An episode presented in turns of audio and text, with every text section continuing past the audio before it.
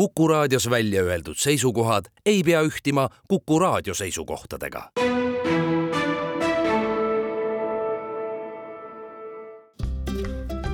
maaelu saate valmimisele aitavad kaasa Eesti Maaülikool, Põllumajandus-Kaubanduskoda ja Regionaal- ja Põllumajandusministeerium. tere teile siit Maarahust lõppev nädal oli rõõmunädal, sellepärast et ordeni saajad ja riiklike preemiate laureaadid on nüüd ilmsiks tulnud ja on millest rõõmu tunda ja mida teistega jagada. üks ordeni kavaler mahub ka tänasesse saatesse. võtame kõneks hajaasustuse toetuse, täna kakskümmend viis aastat tagasi loodud põllumajanduskultuuride geenipanga. pärast seda teavitame teid sellest, et idee rajada Eestisse ühtse tervise tippkeskus on Euroopa teise vooru jõudnud ning lõpetame lamba ja kitsetalledega. saate jutuohja hoiab Madis Ligi, abiks lehemees Tiit Tehvert, usutlustele valib laulud vahele Egon Pentjärv jääge meie seltsi. üheks ordenisaajaks on ka E-piimajuht Jaanus Murakas, kellega me oleme selles saates rääkinud nii piimanduse olukorrast, ühistulisest tegevusest kui ka uue tehase mõttest ja rajamisest. praegu on, võiks siis öelda, et elutöö viimase vindi peal ja varsti läheb avamiseks. kuidas häälestamine ja katsetamine on edenenud? jah, suures plaanis plaanipäraselt et tehas töötab regulaarselt, tehases on kaks põhitoodet, see on juust ja vadakupulber. vadakupulber oli planeeritud äh, aasta lõpus alustama, aga saime nüüd jaanuaris äh, alustada. nii et äh, mõlemad nii-öelda osakonnad tehases töötavad ja töötavad regulaarselt ja selline esimene suurem, suurem etapp siis häälestamisest peaks lõppema märtsi lõpuga nii et kasvatame praegu igakuiselt koguseid ja selliselt töö läheb. Kas olete Põltsamaalt juba täielikult Paidesse rahvaga kolinud? ütleme, et see on poole peal. Põltsamaa toodab praegu veel piiratud sortimenti väga väikses koguses. oleme Põltsamaad hoidnud siin plaan B-na kõrval lahti, kui mingisuguseid tagasilööke on just siin veel jõulude ajal, aastavahetuse ajal on alati piimandusele sellised kriitilised ajad et äh, piimandus on ju valdkond, kus tööd tuleb teha iga päev, nagu me ütleme, et jõululaupäeval ja jaanilaupäeval, et äh, need on meile nagu sellised kõige kriitilisemad ajad, kui kuskilt ei ole mingit abi saada, kõik on puhkustel, siis sellised plaan B variandid äh, piimanduses on väga olulised ikkagi elus hoida kas selle sajamiljonilise tehase rajamine Paidesse tähendab ka seda, et E-piim on äh, teinud juba lepinguid lähimaadega, et Eestimaalt nii palju piima uue tehase jaoks ei jagu või saate siit oma tooraine kätte? E-piim on ühistu, farmerite ühistu ja, ja loomulikult jah, et äh, ka selle medali osas võib-olla suur osa tänu siis meie ühistule, kes on otsustanud seda tehast rajada, aga meie ühistu on ühinenud Läti ühistuga, nii et E-piima ühistu on nüüd üle riigipiiriline ühistu, nii nagu seda Lääne, Lääne-Euroopas juba kakskümmend aastat tagasi äh, loodi üle riigipiirilised ühistud, nii-öelda äh, Rootsi ja Taani ühistud, on siis kahe riigi farmerid omavad ühte sama ettevõtet, et parandada oma konkurentsivõimet ja nii edasi. Ja sama mudeli järgi on ka E-piim siin targalt tegutsenud, nii et jah, tõesti, et E-piim varub juba paar aastat piima mõlemas riigis ja tegutseb mõlemas riigis, nii Eestis kui Lätis. üle piiri läheb enamasti või peaaegu täielikult ka teie toodang või uue tehasega tuleb seda ekspordi osa isegi veelgi kasvatada? oo jaa, tuleb ikka kõvasti kasvatada. et eh, kui me Põltsamaal tootsime siin juustu selline eh, kümne tuhande tonni alla aastas, ütleme üheksa tuhat tonni siis siin on meil maksimaalne tootmisvõimsus kolmkümmend kuus tuhat tonni. nii et E-piim on äh, väga pikalt kogu oma tegevuse aja olnud tegelikult ekspordile orienteeritud ettevõte ja kui me ei oleks seda olnud, siis ei oleks võimalik ka seda uue tööstuse plaani pidada. nii et äh, müük käib äh, väga laias geograafilises, geograafilisse sihtriikide suunas siin tõesti Jaapanist, Itaaliast, Singapurist ja, ja, ja meie lähinaabritele Soome ja Lätti välja. et on tõesti väga oluline, et äh, ikka suur lõviosa selle tehase toodetest hakkab minema ekspordiks. Eesti on ju läbi ajaloo juba esimesel Eesti ajal on olnud suur piimaeksportija, see on suure ekspordipotentsiaaliga sektor, valdkond Eestis, põllumajandus tervikuna ja piimandus ja see eksport peabki siis Eesti riigile majanduskasvu tooma ja rahvale jõukust. seega piimandusel on tulevikku ja see uus tehas seda kinnitab, et äh, võib üsna optimistlikult äh, vaadata aastate peale ette. jah, selle jaoks me selle ehitame, äh, piimanduses on olnud väga rasked aegu, praegu on põllumeestel rasked ajad, te näete, et üle Euroopa kõik streigivad. Ja, ja on ka praegu meie farmeritel väga keerulised ajad järjekordselt käes nii et äh, me loodame väga, et äh, millalgi saadakse stabiilsemasse sellisesse heaoluajastusse. nüüd tähelepanu kõik need, kes elavad hajaasustusega piirkonnas, tahaksid midagi ette võtta, aga omal veeringuid ei ole. riik tuleb appi ja mille peale tasub raha küsida, seda küsin juba minister Madis Kallase käest. hetkel on siis jah, esimesest veebruarist kuni esimese aprillini siis hajaasustuste taotlusvoor avatud ja küsida saab näiteks vee- ja kanalisatsioonisüsteemide rajamiseks, siis juurdepääsuteede ehitamiseks ja ka autonoomsete elektrisüsteemide paigaldamiseks, et et kindlasti soovitame ka konkreetselt teie vallast küsida, et mis on selle konkreetse valla selle aasta prioriteedid. kui palju tuleb endal välja käia, kui palju saab siis sellest äh, abist? no maksimummäär mis on võimalik küsida, siis toetust on kuni kuus tuhat viissada eurot ühe majapidamise kohta ja ta jaguneb siis nii, et inimene ise äh, üks kolmandik, riik üks kolmandik ja kohalik omavalitsus üks kolmandik, et et päris arvestatavaid investeeringuid ikkagi ligemale äh, kahekümne tuhande euro ligemale saab teha kuidas see summa nüüd üle Eesti peale siis on nagu jaotatud vastavalt elanike arvule või on mingisugune teine rehkendus tehtud, et kuhu oleks rohkem vaja teha kaevusid, kanalisatsioonitrasse või muud taolist? ta on jah, proportsioonipõhiselt siis äh, vastavalt elanike arvule äh, kohalike omavalitsuste vahel mis ei ole siis linnalised asustusüksused või linnalised kohalikud omavalitsused. Ja kokku siis see kaks koma kuus miljonit siis äh, läheb kõigile neile, kes soovi avaldasid. Ja on hea meel tõdeda, et, et kõik need kohalikud omavalitsused, kes kvalifitseeruvad, need on ka sellel aastal soovi avaldanud selles programmis osaleda. Seal on jah nii, et hajaasustus, nii nagu ka nimi ütleb, siis näiteks linnad ei ole abikõlbulikud sellest meetmest. Ehk kõik need siis piirkonnad, mis ei ole linnalise asustusega ja, ja on siis vastavas kohaliku omavalitsuse poolt ka ära, ära märgitud, et, et linnad jah, ei saa, aga ka mõned meie kohalikud omavalitsused, kes kannavad nime linn, ka nende linnade territooriumitel on palju alasid, mis kvalifitseeruvad, näiteks Pärnu linna territooriumil on siis päris palju alasid, mis hajaasustuse programmis on abikõlbulikud arvata võib, et need varasemad korrad, kui on selline taotlusvoor välja ühitud, on ilusti täistunud, ehk inimesed on võtnud seda kutset kuulda ja haaranud võimalusest kinni. Seni võib küll öelda, et see on üks, ka mina oma vallavanema kogemusest võin öelda, et üks parimaid meetmeid, mis on äh, välja töötatud, et tõesti alati oli küsijaid ja soovijaid rohkem, kui oli võimalik äh, toetust anda. Ja ma tahaks küll loota, et, et samamoodi saab olema ka see aasta, et inimesed küsivad aktiivselt ja, ja pigem jääb vahendeid puudu kui üle no elu ise oma muredega on äh, nüüd sundinud meid enam mõtlema ka selle peale, et äh, oleks äh, elektrisüsteem kindlam ja varustus olemas. kas saab raha küsida ka näiteks generaatori muretsemiseks? see nüüd sõltub konkreetsest kohalikust omavalitsusest, aga pigem minu teada ei et äh, pigem ta on jah, nii-öelda autonoomsete elektrisüsteemide remondiks, äh, parendamiseks, äh, nii-öelda kaasaegsemaks tegemiseks, et, et otseselt ta seda, seda nüüd meedet ei toeta, aga seda võib küsidagi igast konkreetsest kohalikust omavalitsust eraldi üle. kui nüüd esimese aprillini saab esitada neid taotlusi, millal siis sünnivad otsused ja mis aja jooksul tuleb see raha ka rakkesse panna, ära kasutada? meie nagu soov on olnud, et seda tehtaks võimalikult kiiresti, et jah, komisjon komisjonid peavad äh, kõik projektid üle vaatama,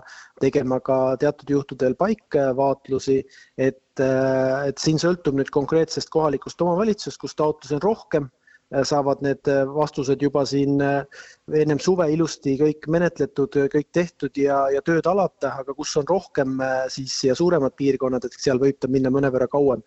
Aga kindlasti see aeg on selles mõttes mõistlik, et, et selle taha või, või ta ei ole tavapärane mingi pikk, pikk projektimenetlus, mis võtab aega seal kuid ja kuid, et, et seal ikka kõik käib väga operatiivselt. esimene samm siis kallitel kaasmaalastel peaks olema, et minna oma valla kodulehele ja sealt juba jalg üles võtta, kuidas asju edasi ajada, et taotlus ära vormistada. täpselt nii ja sealt saab ka teada, millised on need konkreetsed valla see aasta prioriteedid, et milleks äh, eelisjärjekorras äh, siis hajaasustuse programmist vahendid antakse, et äh, suhelge jah oma valla inimestega ja nemad annavad teile selle lõpliku ja täpse info, et kuidas ja mismoodi kõiki asju vormistada, kuidas taotlus esitada, kuidas hinnapakkumisi võtta, et oluline, et ei jääks midagi selle taha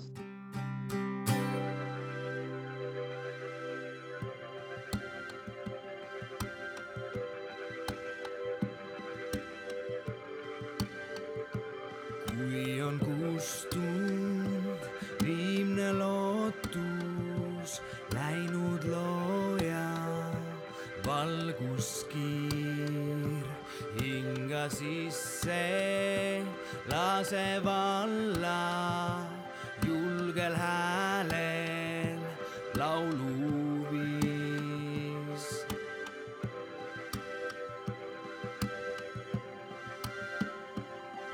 Sa seisad vihmakülvis, kivid jalge nagu puu, mis lehti heidab nagu sulgi, kuid on kange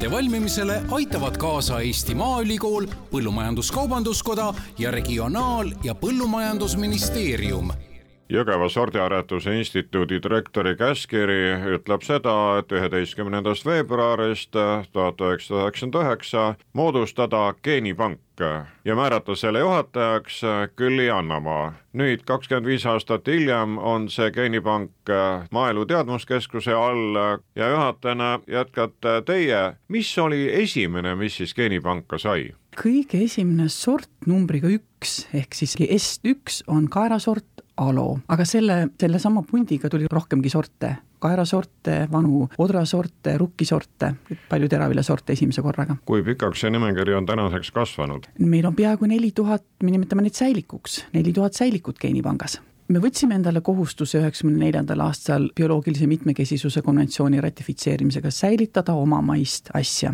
nii et meie ülesanne on säilitada Eesti kodumaist asja, aga kui ta on tõesti palju, kümmend aastat, võib-olla kakskümmend ja rohkem aastat Eestis kasvanud, meie oludega kohanenud, siis me ikkagi säilitame neid, neid sorte ka ja mitte ainult aretatud, vaid ka looduses kasvanud ja ka rahvaselektsioonid ehk siis pärandsordid, et see ei pea olema ainult aretussort. ja kui see sort sinna geenipanka pannakse, siis kaua ta peab seal püsima, millal te uuendate, kuidas see rütm käib? me kontrollime sõltuvalt nüüd liigist umbes kümne aasta tagant, kuidas nemad elu seal on, kuidas neil on seal hakkama, kuidas nad on hakkama saanud, kui idanevus on veel üle seitsmekümne protsendi või, või ligemale kaheksakümmend, siis me ei võta midagi ette, aga kui juba alla läheb, siis me võtame ta kapist välja, nad on külmkapis, eks ole, sügavkülmas, paneme nad põllule ja, ja kasvatame neist uue seemne. no kümne aasta tagant me kontrollime, aga võib-olla kahekümne, kolmekümne, viiekümne aasta pärast, sest praegu kahekümne viie aastases geenipangas meil on olnud väga üksikuid säilikuid, mida on vaja uuesti põllule panna. Need, mis meil on seemnegeenipangas seemnetena,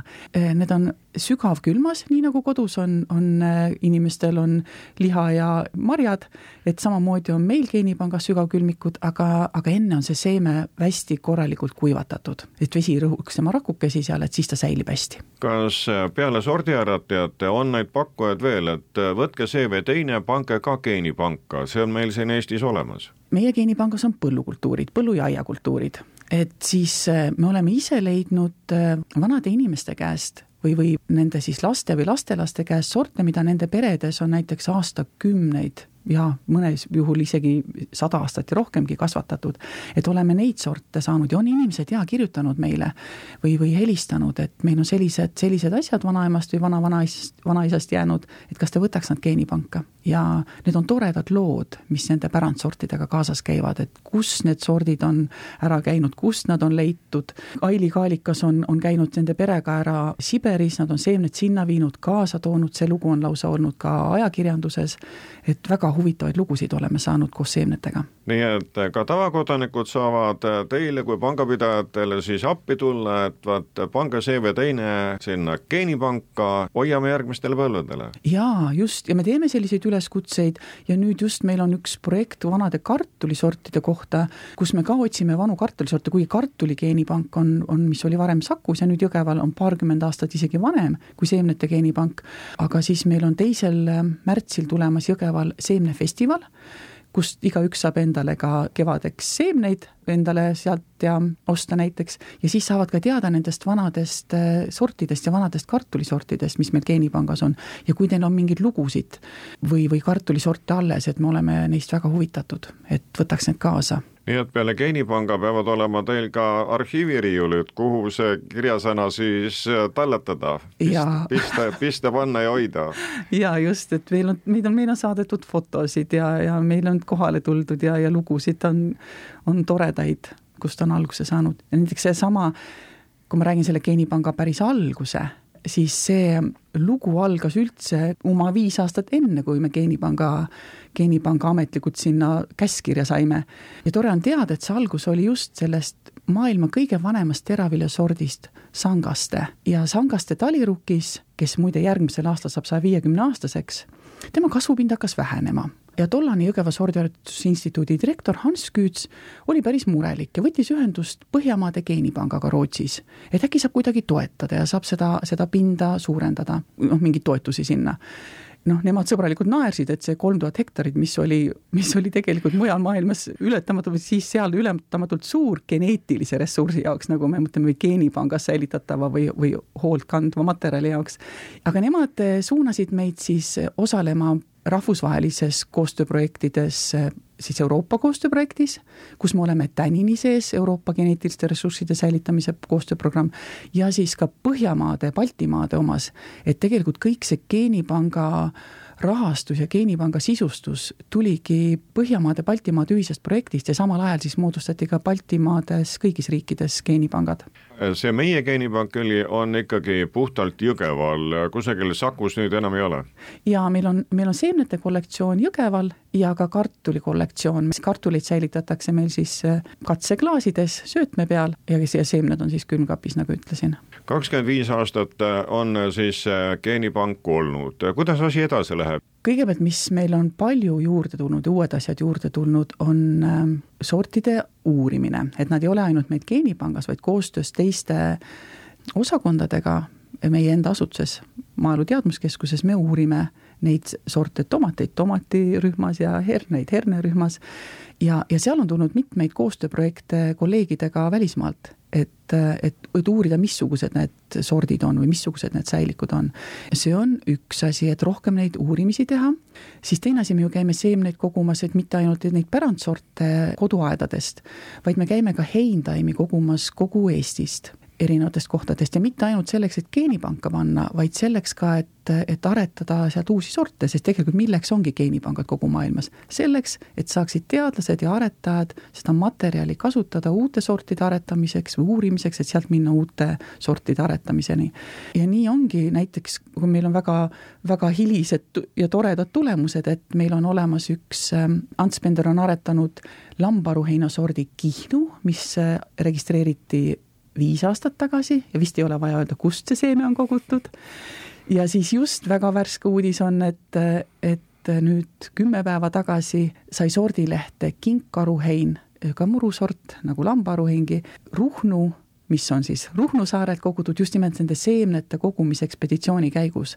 ehk siis rohkem kasutusse, et me saaks rohkem seda materjali, mis meil on külmkappides ja, ja kartuli säilitamises, me saaks seda rohkem kasutusse, et temast saaks uusi sorte aretada ja, ja teda uurida kes tahab vaadata, mis meil on siis selles geenipangas, see peab lööma Maaelu Teadmuskeskuse kodulehe lahti ja sealt siis saab juba riburada pidi seada sammud geenipanka. ja see on üks võimalus, aga meil on ka teine võimalus, et meil on selline koduleht nagu genres punkt ee ehk geneetilised ressursid punkt ee et meil küll üheksakümne üheksandal aastal see geenipank loodi, aga meil läks rõõmsamaks tegutsemine, aktiivsemaks kolm aastat hiljem, kui tollane põllumajandusministeerium rahastas riikliku programmi, Põllumajandusministeeriumi kaudu rahastati riiklik programm geneetiliste ressursside kogumine ja säilitamine.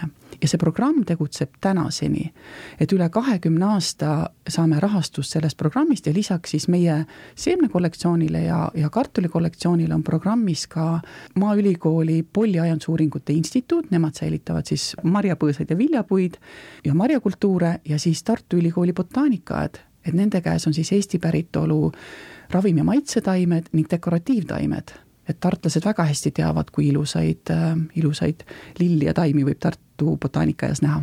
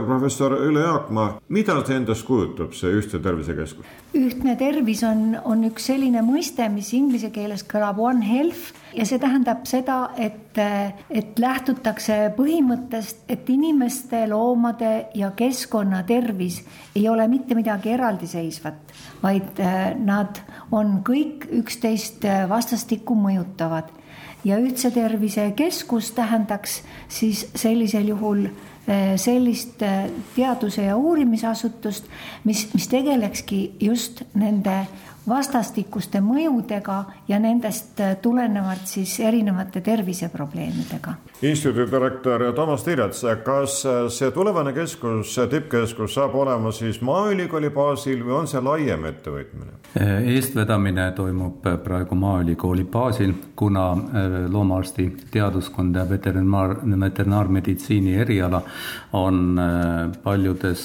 maades just selle eestvedaja rollis täna ja, ja ka varem olnud, kus siis äh, spetsiifiline haridus võimaldab meil kaasata teiste valdkondade spetsialiste, inimese arste, kliinilist meditsiini, Tartu Ülikoolist kaasata siis partnereid välisriikidest, Helsingi ülikoolist, Bologna ülikoolist, kus ühe tervise kontsepti on juba pikalt arendatud ja, ja tutvustatud ning lisaks siis inimese ja looma tervisele on siin oluline ka keskkonnatervis, kuid mis sageli on jäänud selle juures siis märkamata ja kajastamata, on ka sellised majanduslikud ja sotsiaalsed aspektid nende asjade juures. kui me võime rääkida sellest, et seda ühtse tervise ideed ja mõtet on erinevates nurkadest käsitletud ja juba küllaltki ammu, siis tegelikkuses näitas Covidi periood ja Covidu leviku valguses, et me ikkagi ei ole teadlikud sellest, me ei oska ikkagi arvestada vastastikke mõjusid looduskeskkonnas ja ökosüsteemides. Ning selline ühtse tervise idee on siis Euroopa rohelise leppe konteksti lausa sisse kätketud. nii et siin on mitmeid partnerluse momente ja et päris üksi siin kindlasti me olla ei saa seega teie uurimistemaatika läheb laiemaks ning koostööpartnereid tuleb juurde. jah, täpselt nii see on, et tahaks eelkõige fokusseerida ennast sellistele kuumadele teemadele, mis aitaksid paremini mõista ühiseid patoloogiaid, haiguseid, haiguse levikuid nii inimestel kui ka loomadel. ja ikkagi kaugem eesmärk, et me kõik, inimkond ja, ja loodus meie ümber, kogu maa oleks parema tervise ja jätkusuutlikkuse juures Te käisite just Brüsselis seda oma ideed tutvustamas, kellele? Brüsselis olid meil päris erinevad kuulajad, oli Euroopa Komisjonis töötavaid inimesi, oli, oli erinevate riikide esindajaid, kes, kes töötavad ka kas, kas tervishoiu või veterinaarmeditsiini valdkonnas. Ja, ja oli ka analoogiliste keskuste esindajaid teistest riikidest et meil, meil koorus välja see tõsiasi, et väga oluline on, et ühtse tervise kontseptsiooni rakendataks just Euroopa Liidu piirialadel. nii nagu meie ja Soome oleme siin Euroopa Liidu piirialaks vastu Venemaad. Itaalia on, on samamoodi ka piiriala, kust on, on hästi suur rändesurve, migratsioonisurve meil on jälle siin Eestis ja Soomes olukord, kus, kus me päris hästi ei tea, mis on epidemioloogiline olukord Venemaal ja, ja, ja milliseid haigusi võib sealt tulla nii, nii loomadele kui inimestele. nii et, et just äh, sellest vaatevinklist piiririikides me selle ühtse tervisealaste uuringutega tagame ka, ka riigi julgeolekut et seda siis nii inimeste tervise mõttes kui loomade tervise mõttes ja loomade tervis on omakorda seotud riigi toidujulgeolekuga. tänase seisuga võime siis öelda, et teadlased tahavad ühiskonna ees seisvate probleemide või võimalike probleemide lahendamisel rohkem kaasa rääkida ning praegu on siis mõtete kogumise aeg. Te seate sammu, tutvustate, kui kaua veel, millal saame teada, et Eestisse see tippkeskus tuleb või ei tule? Tule? tõesti on nii, et me oleme praegu veel täpsustamas oma lähiaastate tegevusi ja kõike muud, meil on planeeritud erinevate osapooltega just ka erinevate ministeeriumitega veel mitmed kõnelused, ümarlauad, et kõige paremini vastata meie ees lähiaastatel seisvatele tervise valdkonna küsimustele ning äh, taotlemisel on ka europrojektid need ei ole mitte üks, et praegu üks suuremaid, mis läheb nüüd märtsikuus esitamisele. et kõik need projektid peaksid ka aitama kiirendada selle keskuse eesmärkide saavutamist, selle keskuse loomist. tulevad siis kõik rahad Euroopast või tuleb Maaülikoolil endal ka midagi välja panna? Eks see valdkond, millega me tegeleme, nõuab äh, ju päris palju pühendumist ja, ja ilmselt kõike me ei saa lootust panna alati Euroopa rahadele, nii et, et vaatamata sellele, kuidas kulgevad asjad Euroopas, peame meie oma uurimistööd edasi tegema, sest see on oluline teaduslikus mõttes, aga see on oluline ka riigile ja riigi majandusele kui see liisk langeb, siis mitme aasta peale te saate ette kindlamalt vaadata? kui see nii juhtub, siis on kuus aastat sellise projektiga määratletud ja rahastatud, et mis võimaldab siis need ambitsioonikad asjad kiiresti ellu viia kas see on selline ühekordne ettevõtmine, et nüüd Maaülikool saab siis moodustada selle Euroopa tippkeskuse ja kuue aasta pärast läheb teatepulk kellelegi järgmisena või see oleneb siis härra Brüsselist, et millised need tuuled ja suunad on, ehk mis meid ees ootab, mis vajab lahendamist, kuhu on teadlaste tarkust ja jõudu tarvis? eks me kavandame keskust ikkagi kestlikuna ja, ja mõtleme selle peale, et, et kui see kuus aastat rahastust otsa saab, et, et meil oleks piisavalt äh, rahalist ressurssi ja mõtteid selleks, et edasi liikuda.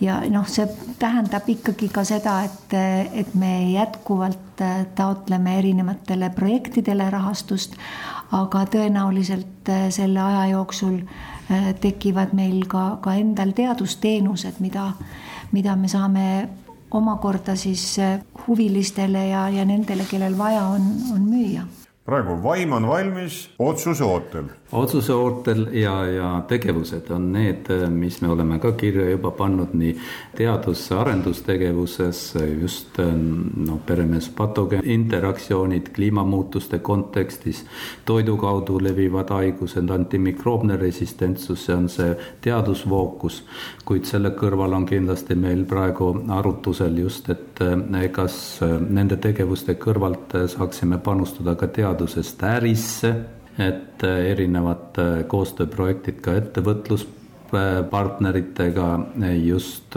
et kommertsiaalse potentsiaali tagamiseks, et see ühtne tervis ei ole ainult seotud nüüd süvateadusega, vaid see on, kaasab kõiki aspekte.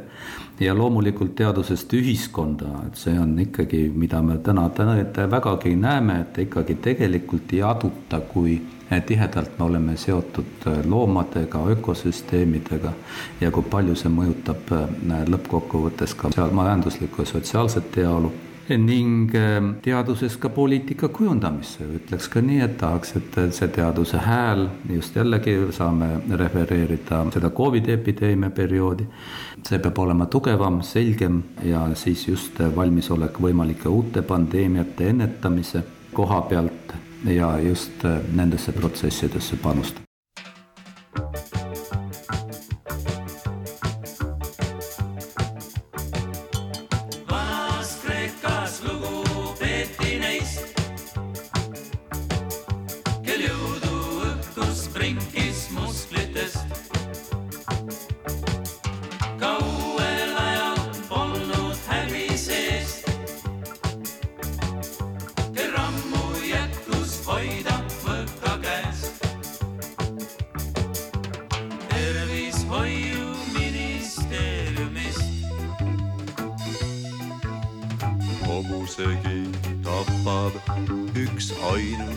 har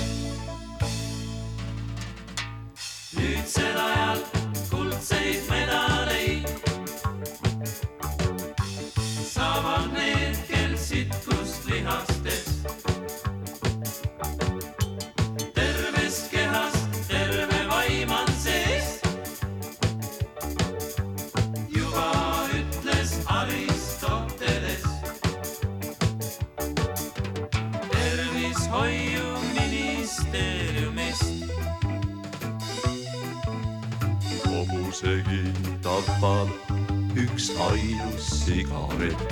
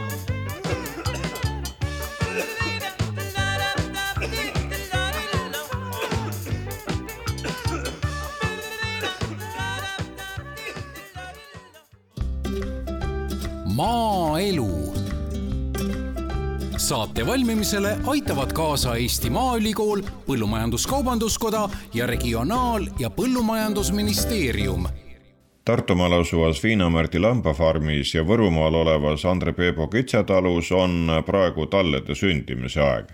sügisel külastasid neid farme aga Itaalia veterinaarid, kes viisid läbi kunstviljastamise protseduure. nüüd äh, saab tulemusi hinnata. Viinamardi perenaise Anne-Mari Polikarpusega vestles lehekolleeg Tiit Tehvert tulemus olid päris head, et kolmekümnest äh, seemenduse läbinud lambast kakskümmend jäid tiineks ja neil nüüd siis sündis kokku kolmteist jäära ja kolmteist siis äh, utt alla, siis kokku kakskümmend kuus talle, kellest me siis jääradest valime edasiseks aretuseks välja kuus ja noh, loomulikult utttalled siis jäävad kõik karja. kümme lammast ei jäänud tiineks, mis see põhjus võib olla? no eks seal neid põhjuseid võib olla mitte mitmeid, et ega siis inimestel samamoodi alati kunstlik viljastamine ei õnnestu, et, et kas seal oli ajaline arvestus natuke kuidagi vale või füsioloogilised tegurid ka mõjutavad, et alati ei õnnestu. Väga heades tingimustes on tiinestusprotsent üheksakümmend protsenti, meil oli praegu kuuskümmend kuus protsenti, mis on, mis on väga-väga hea tulemus, sest et tegelikult Eestis varasemalt tehtud äh, lammaste seemendamistel on see tulemus olnud äh, nullilähedane või siis alla kümne protsendi, et see tiinestusprotsentki oleneb ka eks sperma kvaliteedist, lammaste hästi on nad enne söödetud ja noh, nende nii-öelda konditsioonist, et et meie tulemus on väga hea. varasemalt te olete kasutanud äh, naturaalset semendamist, kuidas neid erinevusi võrrelda? Äh, need erinevused noh, tulevad juba siis sellest, et äh, kui looma peab tooma välismaalt, meie pidime loomad tooma Lõuna-Prantsusmaalt, kuhu on kolm pool tuhat kilomeetrit, sõita sinna ja kolm pool tuhat tagasi.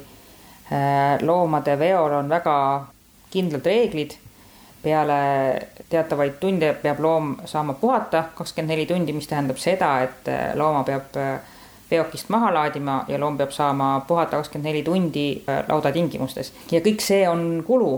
sõit on kulu, Lõuna-Prantsusmaal on, nagu ma ütlesin, väga pikk tee, seal vahepeal peab ka inimesed peavad puhkama ja peatuma. loomade mahalaadimise punktid on väga kulukad, lisandub veel risk loomahaigustega, et kui loomi tuua sisse, siis peavad nad olema enne kõik kontrollitud, sellest hoolimata võivad äh, olla mingid peidetud või, või sellised haigused, mida ei ole kohe tuvastatavad silmanähtavalt. see kõik äh, loomakasvataja jaoks on väga riskantne, tuua mujalt loomi sisse oma lauta. Äh, nüüd selle kunstliku seemendamisega need riskid vähenesid väga palju see sperma, mis, mille me importisime, see on ikkagi eelnevalt kontrollitud. väga korralikult loomad, kes siin sündisid nüüd, emad olid kohalikud, kes on juba harjunud meie oludega, meie kliimaga. ka juhtuda siis ka seda, et, et need kaugelt toodud loomad ei kohane siin Eesti oludega ja, ja siis on see jälle lisakulu loomakasvatajal, kui loom peaks mingil põhjusel siis surema loomulikult kunstliku viljastamisega kaasnesid praegu ka päris suured kulud, sest et meil need spetsialistid tulid Itaaliast koos oma vahenditega, aga kui varasemalt oleme toonud äh, Prantsusmaalt kolm-neli looma ühe korraga, siis äh, praegu meil näiteks siis jäärasid on äh, ikkagi sündinud kolmteist, kelle vahel valida. geneetiline materjal on märksa suurem. kas Itaalia veterinaarid on kursis ka? Ja Itaalia veterinaarid on kogu sellel järgneval ka silma peal hoidnud, küll mitte kohal käinud, aga, aga sealt distantsilt, et äh, nad on kogu aeg ise ka küsivad, et äh, siis, kui oli nende innuste äh, tuvastamine multiralliaparaadiga, siis nad ka küsisid, kuidas läks, paljud on tiined nüüd ka no,, palju nüüd siis tallasid sündis mis konditsioonis nad on, nad on andnud ka soovitusi, kuidas nende tallede eest hoolitseda, juhul kui midagi peaks juhtuma, et me siin juba varasemalt kogusime näiteks ternespiima igaks juhuks sügavkülma. et, äh, et kui emal peaks olema ternespiimaga probleeme, siis me saame kohe võtta ja sulatada ja soojendada ja talledele anda, et tallede kasvuspurt oleks võimalikult hea alguses. on nemad tulemustega rahul? Nendepoolne tagasiside on olnud ka päris hea, sest noh, muidugi Itaalias nemad tegelevad igapäevaselt ja nad saavad ise ka kogu sellel seemendamisele järgnevale protsessil kogu aeg silma peal hoida ka ju. mis nüüd edasi saab, mis on järgmised sammud? järgmised sammud on siis äh, nüüd need, et me siis äh, nendest kolmeteistkümnest äh, sündinud jäärast aretuse jaoks siis valime välja tõenäoliselt kuus, keda me siis äh, järgnevatel aastatel äh, siin aretuses kasutame. kuidas me neid siis aretuseks äh, siin välja valime, siis vaatame, milline on ema konditsioon, milline on ema udara seisund ja, ja konditsioon, et, et need kõik mõjutavad seda valikut. mida parem ema, seda parem laps, tõenäoliselt. aga kunstliku viljastamisega on plaanis ka jätkata? sellepärast, et tegelikult nüüd, kui see protsess meil juba tuttavam on, siis on ka endal äh, lihtsam loomi ette valmistada selleks ja juba teame, kust äh, ja kuidas äh, spermat tellida. Ja see tegelikult ikkagi on meie jaoks palju lihtsam, kui minna sinna Prantsusmaale loomadele järgi ja ka juba just nimelt nende riskide vähendamiseks, et, et vältida seda, et, et meil mingid haigused kuskilt sisse tuleks kuidas juustu tootmisel on aasta alanud? meie jaoks on aasta tootmise vaatenurgast alanud hästi, et, et võib-olla isegi mõnevõrra paremini kui eelmisel aastal ja ootused äh, meil sellel aastal on ka suured, et kuna me plaanime avada Tartus äh, jäätise müügipunkti, siis äh, meil on palju lootusi selle peale pandud, kuna sel aastal on ka Tartu kaks tuhat kakskümmend neli kultuuripealinna aasta, siis, siis loodetavasti läheb ka jäätisemüük hästi ja tuleb soe suvi võime arvestada sellega, et uute lammaste piim ikkagi leiab tee juustu ja jäätise sisse? ja kindlasti, et, et äh, juustu toodame ikka edasi ja kuna meie tõesti ainukesena Eestis äh, praegu nüüd lambapiimast tooted teeme, lisaks äh, juustule siis ka jogurtit ja, ja jäätist, et, et siis on kindlasti meie tooted mõnevõrra erilisemad kui võib-olla lehmapiima tooted. kas on sel aastal oodata uusi tooteid? võimalik meil on äh, mõned katsetused äh, käimas juustudega ja, ja võimalik, et ka tuleb uusi jäätisemaitseid. samasugune protseduur viidi läbi ka Võrumaal asuvas Andri Peedo kitsefarmis. tiinestus viiekümne kolmest loomast seitseteist, mis on küll farmi perenaise Linda Pajo sõnul pisut alla ootuste. Kuna osad talled pole veel sündinud, siis lõplikku numbrit veel ei tea, kuid kokku peaks seal sündima kolmkümmend talle. Pajo sõnul on isatallesid nende hulgas piisavalt, keda saab tulevikus aretamisel kasutada. Ja see oligi kogu projekti eesmärk.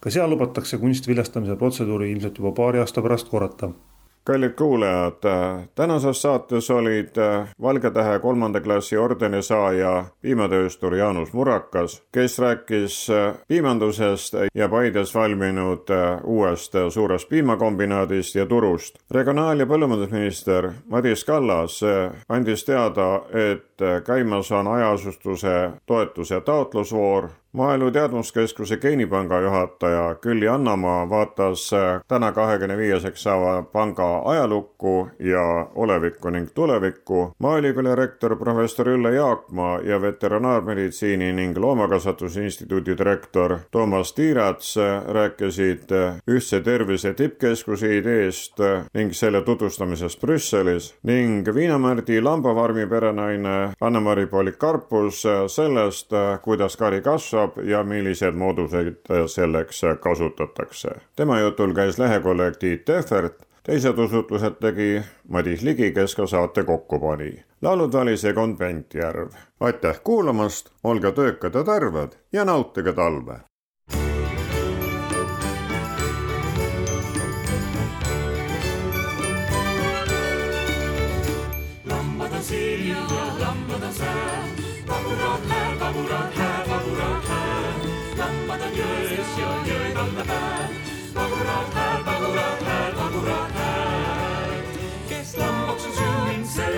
paguraks jääb, paguraks läks, paguraks läks, paguraks läks.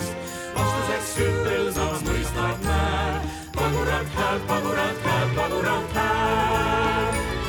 lammad on siin ja lammad on seal, pagurat hääb, pagurat hääb.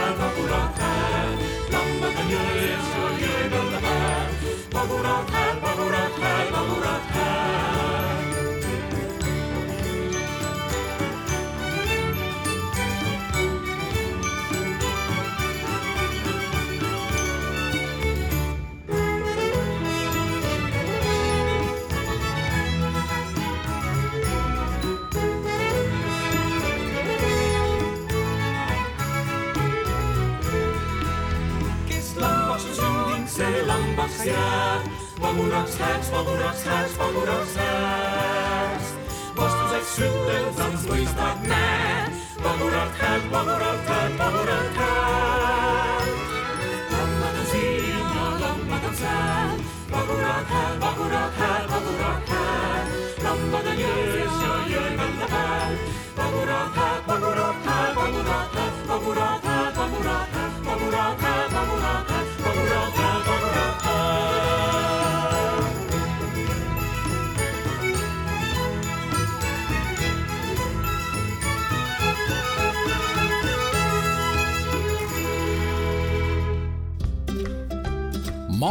Maaelu. Saate valmimisele aitavad kaasa Eesti Maaülikool, Põllumajandus-Kaubanduskoda ja Regionaal- ja Põllumajandusministeerium